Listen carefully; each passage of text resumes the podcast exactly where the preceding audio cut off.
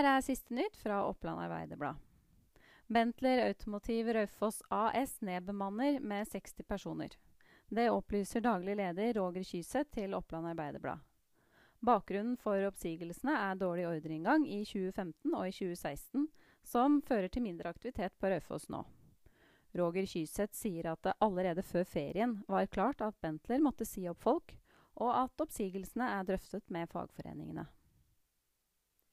I løpet av fire fredager i oktober og november skal Gjøvik-regionens store sangstjerne kåres i nyvinningen Stjernetevling, et lokaloppgjør i Eliteserien.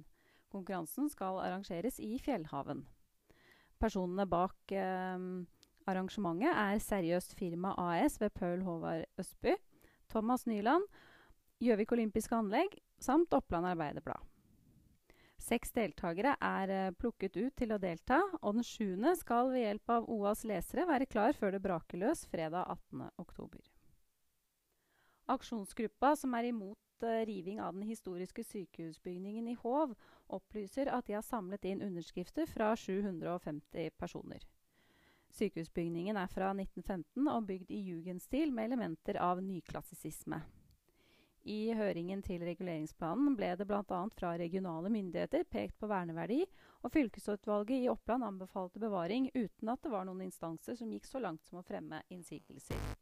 Nå er det altså en aksjonsgruppe på gang for å redde bygningen. Og i en helt fersk meningsmåling i Oppland Arbeiderblad fortsetter Arbeiderpartiet framgangen siden forrige måling. Senterpartiet går litt tilbake, men ligger fortsatt an til å gjøre et skikkelig brakvalg. Det er imidlertid uhyre jevnt om plassene i kommunestyret. 500 personer er spurt i tidsrommet 20. til 21. august.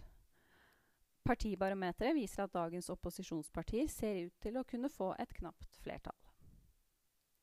14 år gamle Thomas Bekkedal Ragg Moen fra Gjøvik omtales som et helt spesielt talent innen datasikkerhet.